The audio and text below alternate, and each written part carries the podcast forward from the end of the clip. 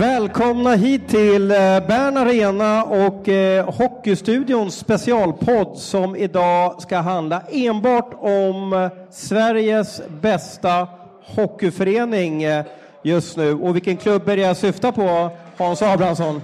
Det är Örebro! Och Niklas Johansson, eftersom Örebro är Sveriges bästa hockeylag just nu så måste du vara Sveriges bästa sportchef. Ja, det vet jag fan, men eh, just nu så går det bra i alla fall. Eh, För oss som har bakat svensk hockey i, i många år så är ju det här oerhört unikt som vi är med om i Örebro. För sex och ett halvt år sedan så gick de upp till SHL, hade lite problem att etablera sig och nu är de igen, jag låter som en papegoja här, bäst i Sverige. Vad var det som hände? Ja, vad var det som hände? Alltså, det har ju varit en ganska eh, krokig resa kan man väl säga. Man gick ju upp där och gick ju till slutspel redan sitt andra år till kvartsfinal. Där gjorde en bra insats mot Växjö. Jag var själv här och såg några av de matcherna. Så då kändes det som att det här var en pigg nykomling som var på väg att etablera sig på allvar och kanske till och med var, var med på den övre halvan. Men sen hände ju någonting. Sen var det ju lite grus, eller ganska mycket grus i maskineriet där under några år. Ständiga tränarbyten, spelarrekryteringar som inte fungerade och ja, allmän oordning, en ekonomi också som inte var i balans. Så att, eh, och sen har man rest sig igen nu då till den här fantastiska hösten som man har svarat för. Så det har varit upp och ner. Niklas, du jobbade ju i eh, Västerås på den här tiden när Örebro gick från att vara en hockeyallsvensk förening till att bli en SHL-klubb. Eh, hur såg du på Örebro när du var i Västerås? Nej, men jag tyckte det var en fantastisk klubb som har gjort en jäkligt fin resa och de var ju alltid eh, svåra motståndare på den tiden precis innan de gick upp och eftersom jag bor och kommer ifrån eh, Arboga så har man ju nära hit och man är alltid här och handlar och ja, går ut på krogen eller vad som helst. Så att man har ju lite hjärta åt det här hållet. Så att eh, man har alltid sett att det finns potentialer, oerhört bra sponsorer, oerhört bra fans som alltid eh, stödjer sitt lag i vått och torrt och det är en stor tillgång. Hur gick det till när du blev värvad från, från Västerås till Örebro? Ja, det är en ganska lång historia egentligen. Det var Pontus Gustafsson som ringde till mig och frågade om inte jag var intresserad att hjälpa honom här.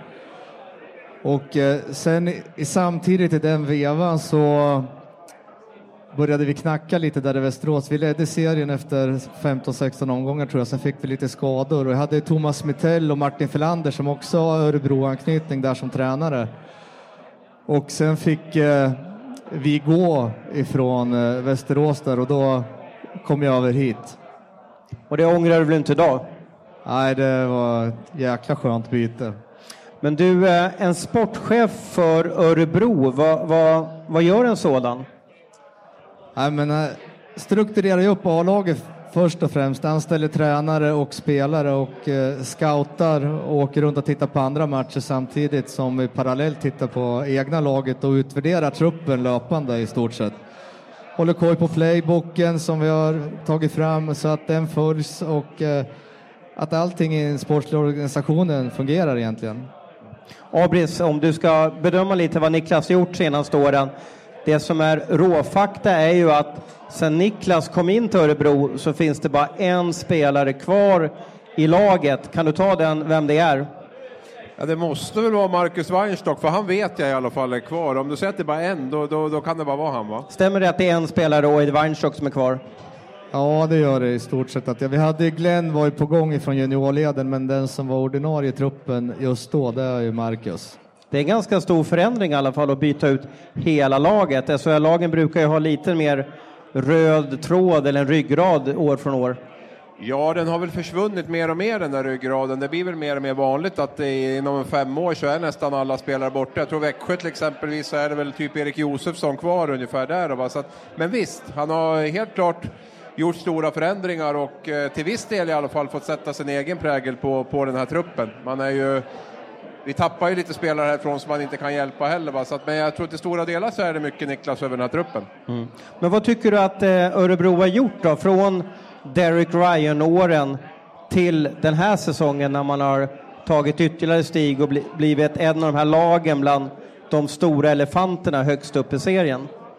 Ja, ska jag göra det enkelt för mig så är, tycker jag att det är ledarstaben. Alltså det, det, och det är Niklas en stor del i. Det han har satt ihop här, det har jag hävdat flera gånger att SHL att det är otroligt viktigt med just ledarstaben. Och eh, där tycker jag man har gjort ett jättebra jobb och det är det man får betalt för nu. Men ledarstaben menar du alltså eh, Ja, tränarna? tränarstaben ska jag väl säga Ja. Nu kan jag inte alla eh, olika funktioner i övrigt på kansliet med allt vad det är, men, men just tränarstaben, om man tittar där, där tycker jag man har prickat helt rätt och det tror jag är en stor anledning till, till den här framgången. Eh, Det är lite fina ord från Hans Abrahamsson. Ja, jag håller, jag håller med dig. Alltså, det är oerhört viktigt. För det första, om du har en playbook och ett spelsystem som du vill förankra bland spelarna så är det A och O att du har ledare som kan få ut det till spelarna också och få dem att fullfölja den och göra det på isen. Så att, eh, jag köper rakt ut och jag tycker att vi har lyckats där. Bra kemi har vi, bra, bra dialoger och diskussioner för att ta det framåt. Och vi, jag tycker verkligen att vi gör framsteg varje vecka egentligen med hur vi arbetar med spelarna individuellt och eh, lagmässigt. Så att jag håller med dig. Och just att man har en bra balans tycker jag också. Det är, det är lätt att plocka ihop tre namn, etablerade namn. Men jag tycker att man har hittat en bra balans här med Niklas som är huvudtränare, tydlig huvudtränare och sen Christer och Jörgen bredvid. Då. Jörgen väldigt prestigelös men väldigt kunnig och Christer är ju liksom hardworking rakt igenom och också relativt prestigelös liksom i sitt. Han, han vill jobba hårt, han vill utveckla backarna och så, här. så att just den mixen och kunnandet ihop det, det är, eh, nej, det är tummen upp. Under de här tre åren då, Niklas, som du har jobbat med, med att få ihop ett bra lag eh, till Örebro, eh, vilken är den viktigaste värvning eller förändring du har gjort? Ja, men det jag tycker är den viktigaste förändringen det är kanske karaktären på de spelarna som vi har i, i laget. Utan det är killar som är oerhört ödmjuka och vill bli bättre. Och de är inte så oroliga av sig heller utan de är hela tiden nyfikna på att förbättra sig och vad kan jag göra här för att jag ska lyckas bättre där. Och det är kul för tränarna att arbeta med sådana killar. Ja, men om du jämför med karaktärerna i laget i år då och när du kom in då. eh, eh, Vad är en bra Niklas Johansson-karaktär? Ja, men jag skulle vilja säga Mastomäki. Han står för någonting som eh, oerhört stabilt och tryggt och skapar ett lugn hos de andra också. Det, det- jag tycker att vi har fler spelare som står för det. Vi har inte bara följare utan vi har killar som står tryggt på egna ben och kan ta vara på sig själva. Mm. Men när du värvar spelare, du har ju värvat ihop ett helt nytt lag här. Eh, vad börjar du med att kika med? Kikar du inom en viss ålder? Kikar du i passet? Eller vad, vad är den första saken du kikar på när du är intresserad av en spelare?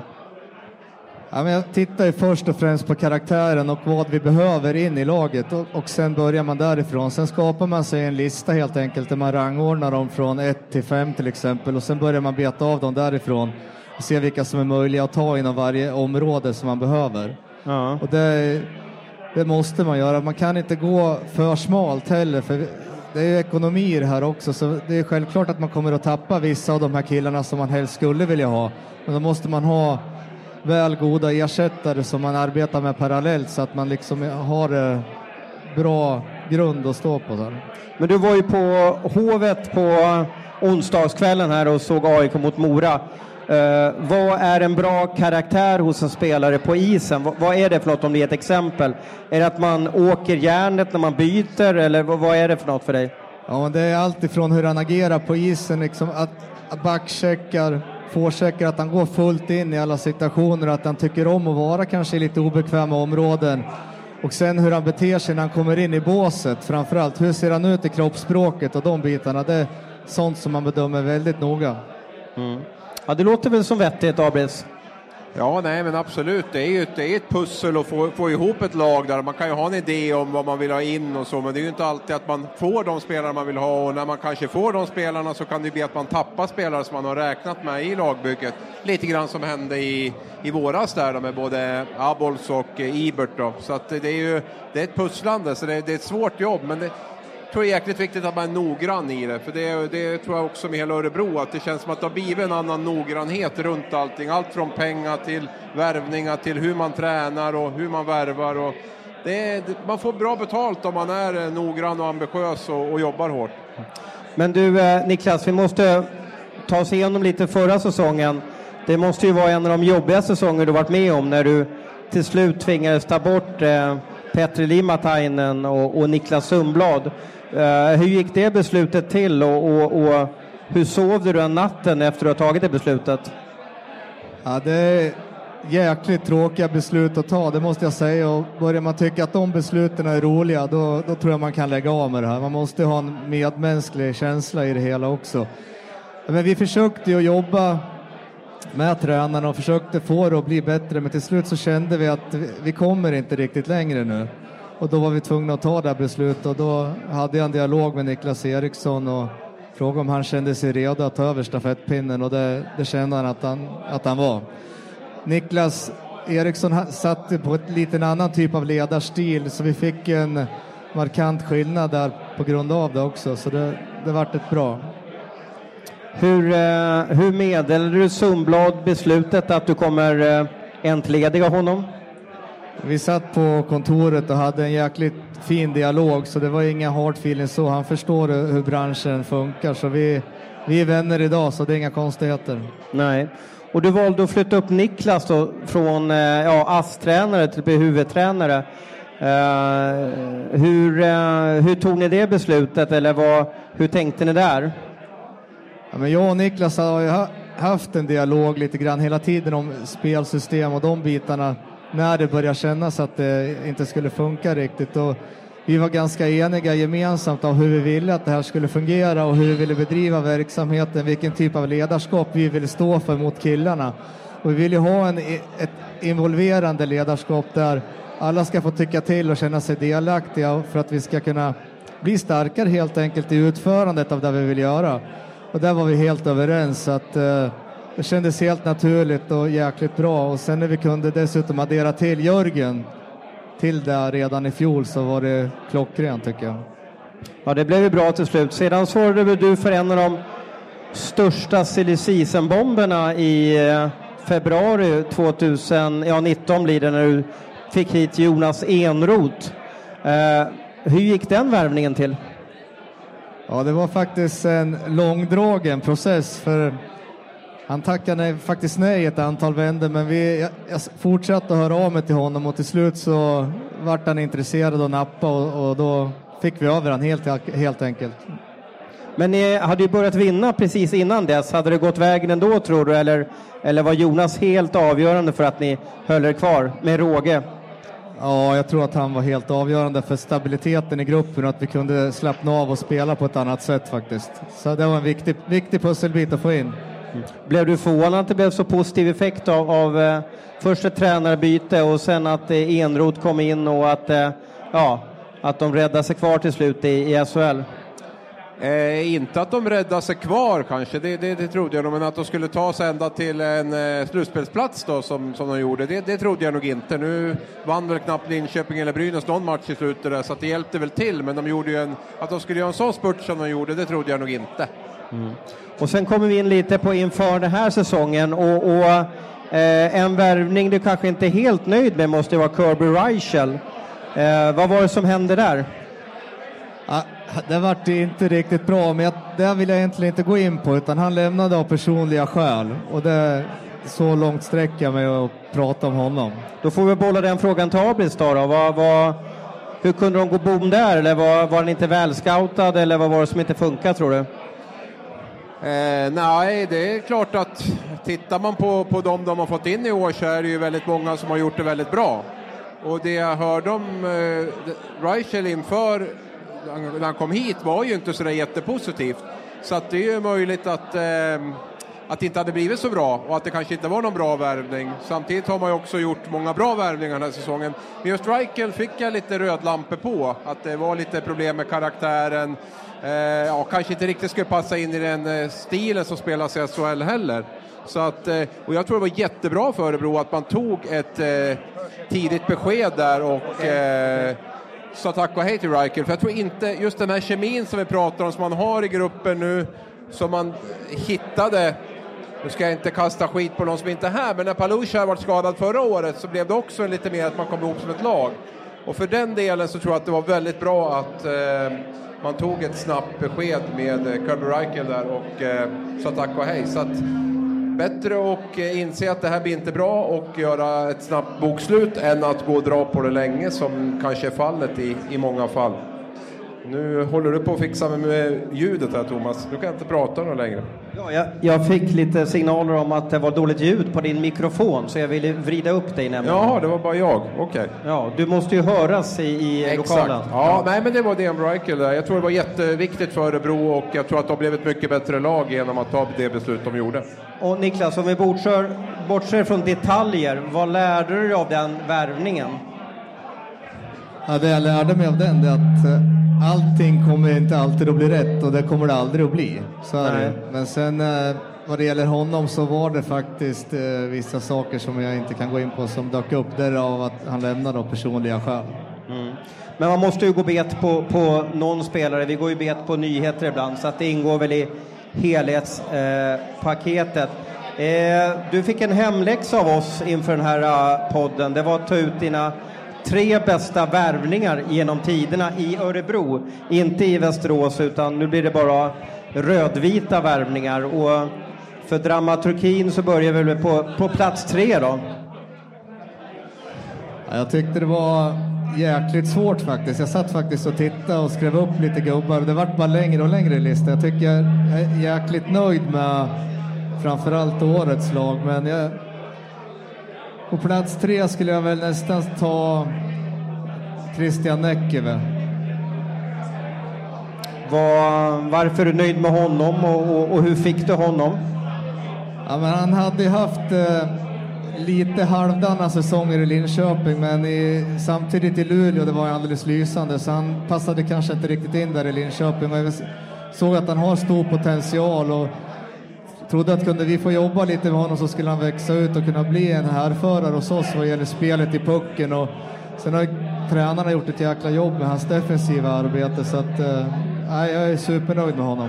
Och sen kommer vi över till eh, plats två, silverplatsen då. Ja, då tar jag Fürch. Okej. Ja. Och det kanske är... Eh, tycker att han är SHLs bästa målvakt just nu? Ja, det tycker jag att det är. Han är lugn och trygg och går alltid ut med ett leende och sprider ett lugn till killarna och läser spelet fantastiskt bra och står alltid på rätt plats. Och sen har han sagt till killarna att eh, se bara till så jag ser pucken så tar jag den, behöver ni inte vara oroliga. Det är ganska skönt. Men han har ju jättefin statistik i, i KHL. Varför valde han att komma till, ja, som i alla fall internationellt rankas som en sämre liga, SHL? Vi var ju på honom tidigt i fjol också när vi pratade med Enroth. Men då valde Fürch att stanna kvar i KL. Och sen efter säsongen i fjol så skulle han och frugan få tillökning. Så att då kände han att det skulle passa bättre av att spela i SHL än att åka runt i KHL. Därav eh, hamnade han hos oss helt enkelt. Är han den dyraste spelare du har värvat under din tid i Örebro?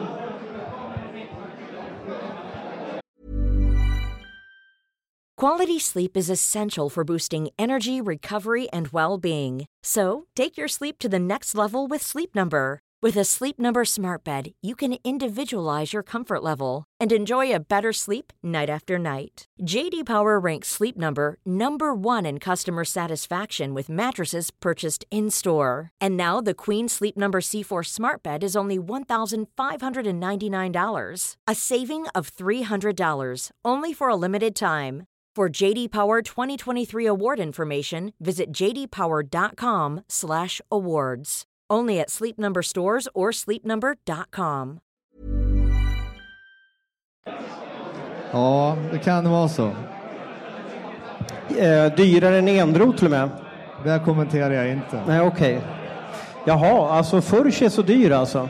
Ja, är han den dyraste så är han väl dyrare än Enroth då. Jaha. Även om man inte kommenterar den. Ja, men, Men KL-löner och hålla på och brottas. En av KLs bästa målvakter. Ja, men nu blir man ju nyfiken. Men, men som sportchef då, är det en rak lön till han eller, eller är det en bonus som betalas ut utomlands?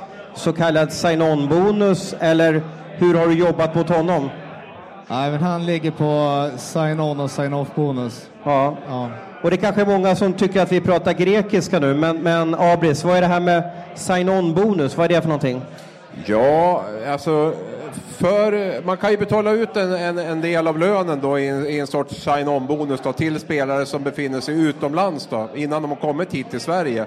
Och på samma sätt så kan man betala ut en del i efterhand när de har lämnat landet och det handlar ju om att undvika att betala full skatt då. Och det är ett smart sätt i alla fall att kunna ge mer pengar till, till Dominic då. Ja, det är det jag menar. Alltså, totalt sett så kostar han kanske inte så mycket mer än vissa andra, men eh, han får mer i fickan på det här viset. Var du helt säker, ja, oerhört ledande fråga, på att han skulle lyckas i Örebro och SHL? Ja, i stort sett alltså 99,9. Alltså han har ju, tack vare att han är den personligheten han är så var det jäkligt låg risk på att han skulle misslyckas och plus att han han spelar bättre än han har ett struktur, strukturerat försvarsspel runt omkring sig. Så ser han vart puckarna kommer och han kan förbereda sig, då är det inga problem. När han spelade, jag tror det var Severstal han var i sista året, där var det High Chaparral-hockey och de kom ifrån överallt. Därför hade han lite sämre stats det året. Mm. Och visst fick familjen tillökning också i, i somras? De har valt att, att bli småbarnsförälder här i, i Sverige. Ja, stämmer bra. Hade det en inverkan på att han valde en, en annan liga än, än KHL som kräver att man eh, är borta väldigt mycket från eh, sin partner och barn? Ja, men det, jag sa det när du var borta och skruvade på ljudet. Utan det, var, det är en del av det. Utan han hörde av sig själv. Eftersom vi hade haft en kontakt tidigare så ville han hit själv här och ha en bättre situation för familjen. Och han, han trivs jättebra här. Ja, men du blir vi nyfikna på vem har vi som, som vinnare då? Ja, jag, jag, måste ta Mastomäki där också. Okej. Okay. Ja, men jag ser honom som en eh, som en kommande Mr Örebro som kommer att vara här över tid och kan hjälpa oss att tratta in andra spelare i system och så vidare. Och kan, eh, han har ett oerhört hjärta för den här staden och det här laget. Och han har vuxit sedan han kom hit från Luleå och tagit bit för bit tycker jag, så att det är en riktig klippa. Och han är väl en sån som om, om, om jag kan eh snabbanalysera honom. Han kan ju spela i tio år till i Örebro. För att han borde väl inte vara i farozonen för varken KHL eller NHL? Nej, vi får se, till att han inte utvecklas mera utan ligger på den här nivån. Du känner ju honom bra från Västerås där och så såg du den här spelaren i honom när han var yngre? Ja, definitivt. Vi hade, han var redan en ledare på den tiden och han, han, stå, han, han är unik på det viset, den åldern han är också, att han redan har de eh, egenskaperna. Det är en liten eh, Joel Lundqvist light kanske, om man ska ta jämföra med någon vad det gäller ledarskap.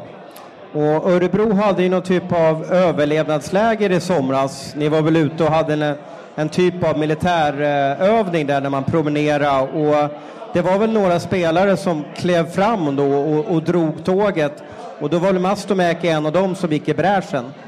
Ja, det var det definitivt. Han tog tag i grejerna och visade att han är en ledare, även fast han har den åldern han har och de andra spelarna lyssnar på honom och det har varit, varit ett ganska enkelt val till kapten faktiskt. Hur ska du göra? Hur, långt, hur, länge, hur lång kontrakt har du med Mastomäki just nu? Han har tre år. Tre år, ja, ja, men då borde du vara ganska lugn i alla fall. Ja, känns jättebra. Ja. Var den svår att få ihop den här trelistan? Hade du velat ha fler platser eller har du någon spelare som du vill nämna också? Ja, men det, om jag börjar nämna någon mer så då kommer det ramla på. Utan jag fick ganska snabbt ihop en tio stycken i alla fall. Så jag sen tidigare också Sakari Manninen. Jag tycker Bagenda har gjort det fantastiskt och även Rissanen och det finns flera stycken. Mm. Det här är ju, uh, vad ska man kalla för, din Hall of Fame-list då. Men har du någon typ av shitlist då? Någon som du skäms oerhört mycket över som du har uh, värvat hit eller någon som tycker att det här vart ju inte bra? Ah, shitlist. Jag, jag har ingen större lust att hänga ut någon enskild spelare på min shitlist, men självklart finns det värvningar som man inte är jätte, jättenöjd över. Det finns det alltid. Ja, men det kan ju vara att det kan ju gå så mycket fel med det som när man kommer till en ny stad med att familjen inte funkar och allting. Så det, kan vi, det behöver ju inte vara ditt fel. Det kan ju vara andra omständigheter som gör att det inte funkar. Ja, visst är det så. Det är mycket som ska spela in. De ska trivas med hela konceptet som vi har och som du säger, staden, familjen ska trivas. Frun ska tycka det är jättebra, så det, vi lägger mycket krut på fruarna faktiskt. Så mm. Men nu ska vi prata om den här säsongen, Abris. Och, eh, vad tippade du Örebro inför den här säsongen i Sportbladets hockeybibel? Tolva. Tolva. Mm. Vad, vad hände där?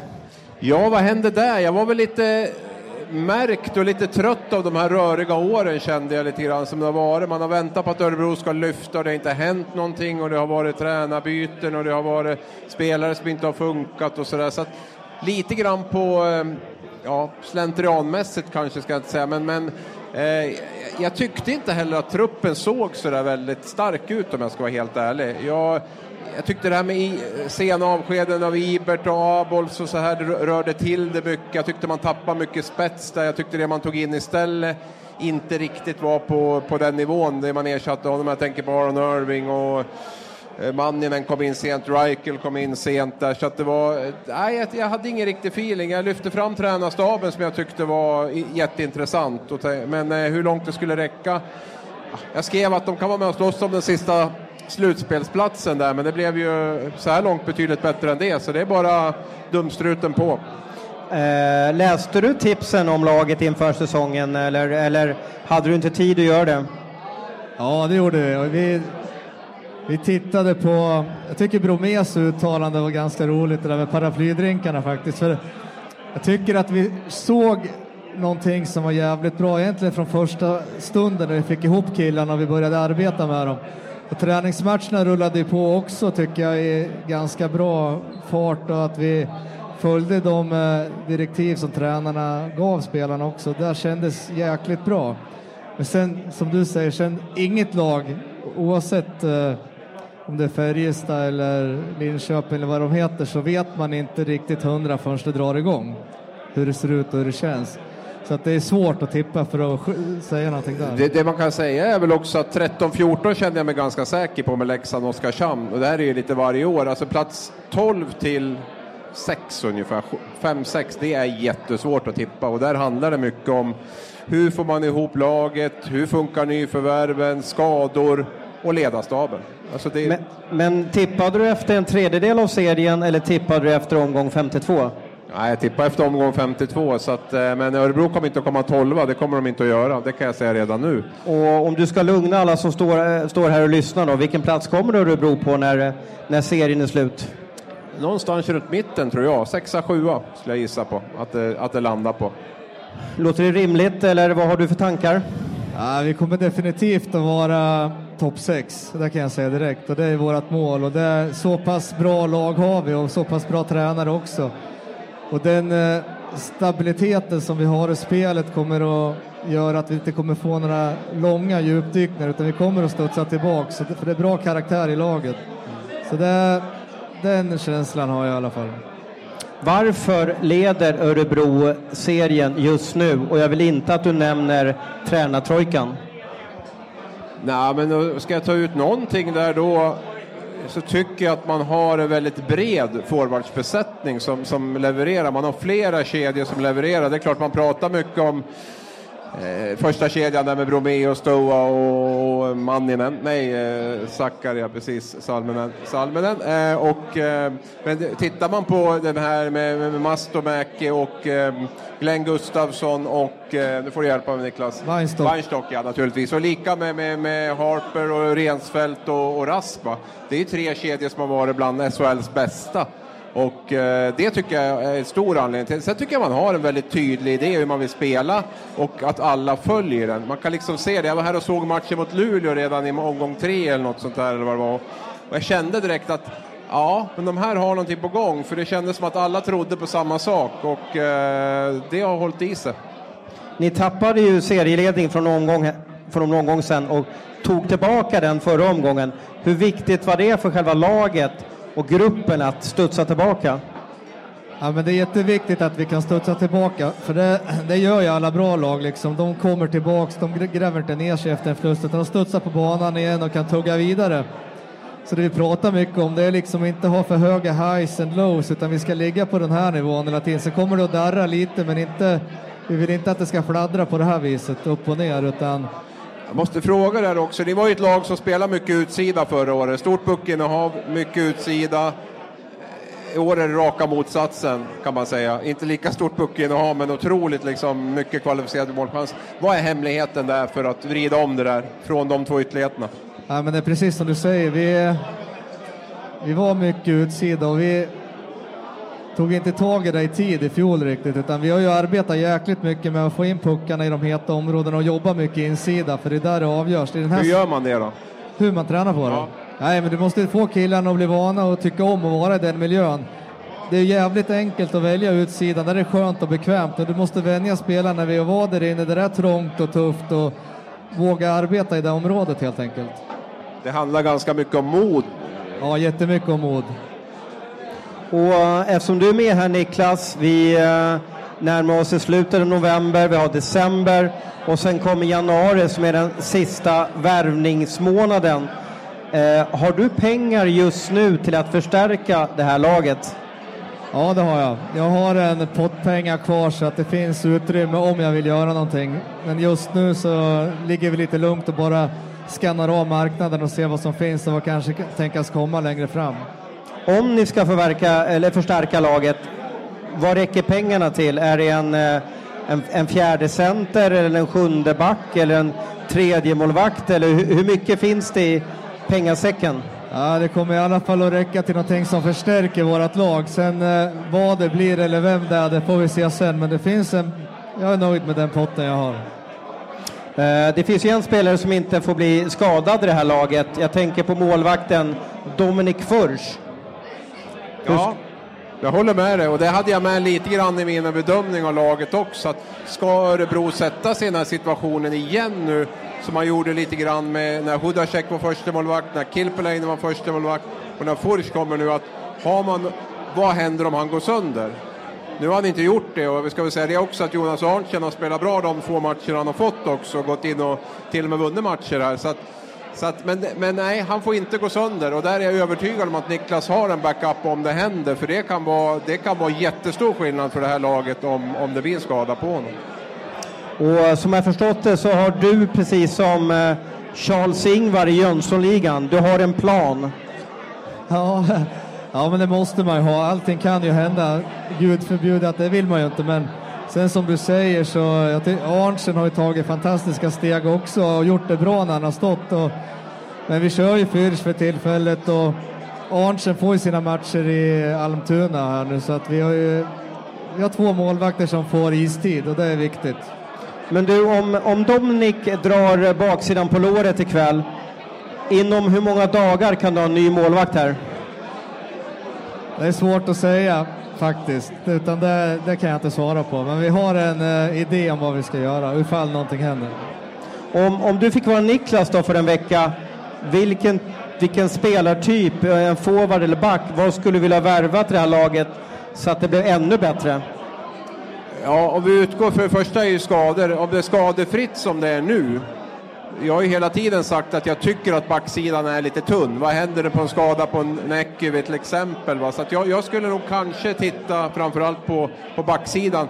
Framförallt eftersom forwardsidan har varit så pass bra. Den har varit mycket bättre än vad jag trodde och ser väldigt bred ut måste man ändå säga. Det är många kedjor som levererar. Så att jag skulle nog titta på en, en back, kanske en, en, en tvåvägsback som kan spela mycket. Har du några backar i din svarta, svarta bok? Ja, det finns både backar och målvakter och forwards i, i boken så att vi, vi är förberedda på om vi vill göra någonting så är vi förberedda. Eh, just nu har ju Örebro två spelare i farmalaget, eller farmaligan i Nordamerika, Nike, I, Nike Ibert och eh, Abols. Vad är möjligheterna till att de spelar i Örebro den här säsongen? Jag skulle säga att eh, 50-50 ungefär. Ja, på båda? Ja, framförallt den ena. Sen kan du lista ut den där. Men det, Det, men det måste ju vara, nu tänder jag till här, det måste ju vara Abos alltså. Ja, det skulle jag gissa på. 50 procents möjlighet att han spelar i, i Örebro alltså. Ja, det skulle vara häftigt att få, få hit honom också i den här mixen som de redan har. Men vad är det avhängt på om man kommer hit då, Abols? Ja, men det handlar helt och hållet på hur det går för honom där borta. Nu var han ju nerskickad i SHL ett tag där, men nu är han uppkallad igen. Så vi har en daglig kontakt, jag och Abol, så får vi se vart det leder någonstans. Är första december ett viktigt datum i det här fallet? Ja, det kan jag tycka lite grann. Utan, eh, sen beror det på hur mycket matcherna har fått spela, men vi dröjer det för länge och han inte får matcher så kommer det ta lång tid för oss att få igång han också. Nu har jag inte stenkoll på vilken, vilken klubb är det som äger hans rättigheter? Vilken klubb är det som äger hans rättigheter? Det är vi som gör det. Ja, men, ja, Florida, Florida. ja, okej. Men du, eh, är det Florida som avgör om man ska till Örebro? Är det han som avgör eller vem är det som har sista ordet? Ja, det är han som avgör om han vill komma. Sen är det upp till honom att prata med Florida om det. Så är det.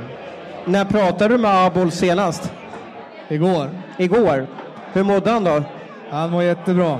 Okej. Han, så han var glad att han har blivit uppkallad igen och ska få, få lira i AHL då. Blev du, blev du förbannad när han var uppkallad? Nej, det blir jag inte. Jag önskar han all lycka där borta. Så det, jag hoppas att det går bra för honom. Men du, Abols då till Örebro eventuellt. Då kan man ju dela ut LeMatt direkt, eller? Ja, det är så enkelt det är va. Nej, det är, alltså det är, det är ju en hierarki och en kemi som ska göras om om man kommer hem också. Det är klart att Örebro blir bättre om man kommer hem, så är det ju. Men, men eh, förväntningarna stiger ju också. Det har jag varit inne på också, att Örebro bemöts ju som ett topplag nu när de alla motståndare de möter är ju det är serieledarna de möter och det gör också att man lite noggrannare i scoutingen, lite bättre inställning när man går ut på isen, lite mer tändning och gå ut. Va? Så att Örebro får ju tuffare och tuffare matcher hela tiden tror jag också. Och eh, klart, dunkar Niklas på med ett par, tre namn till här nu, ja då kanske det är laget att slå i, eh, i den här ligan och det blir en helt ny situation också. För, för det här laget. Nu har man ju gått, kommit underifrån, jätteskön resa så här långt, gjort det kanonbra. Men eh, man ska ha klart för sig att förutsättningarna förändras också. Ja, ljudvolym har stigit här inne i sportbaren. Vi ska se om, eh, om vi har någon fråga från eh, någon Örebro-supporter till, till Hockeystudion eller till Niklas Johansson. Nu, nu har vi en fråga här, Ja, jättebra. Är ryktena kring Kovacs? Eh, Du hörde jag inte exakt frågan. Ryktena runt Kovacs ja. Om Robin Kovacs, och då får vi ju dra en liten resumé här. Det var för två veckor sedan som en, en stor kvällstidning avslöjade att Robin Kovacs var klar för, eh, för eh, Örebro. Och det var ju du och jag som skrev den. Och, och eh, jag känner mig säker till 99,9 procent på att den eh, kommer hålla. Ja, vi tycker vi bollar över frågan till Niklas. Det var ju en jättebra fråga. Ja, vad, vad säger du om de här uppgifterna som kom ut för två veckor sedan? Alltså Robin Kovacs lämnar Luleå för Örebro till nästa säsong. Ja, men jag säger som jag sa förut i stort sett, utan det, den här tiden på det är det mycket rykten och spekulationer och jag uttalar mig aldrig om spelare, vare sig egna eller eh, andra spelare inför nästa säsong. Men jag måste fråga, vad, vad heter du för något? Jocke? Joakim, skulle du vilja se Robin i Örebro? Ja, men det skulle jag. För att, Ja, men han är en grym spelare. ja, du ser, eh, han kommer nog få ett varmt välkomnande här. Men hur funkar det när man, när man värvar spelare från en annan SHL-klubb? Hur tidigt på säsongen vågar man göra klart? Ja, men det är helt individuellt på hur man vill arbeta, men eh, tittar man generellt sett så om man vill vara med på spelarna och inte att det ska vara allt för stor budgivning och grejer så måste man vara ute i ganska god tid. Men Sen, eh, alla jobbar ju olika och det är helt upp till var och en egentligen. Men det är ju det är som vi jobbar med förlängningar nu och sådana bitar så att det, det är helt upp till var och en.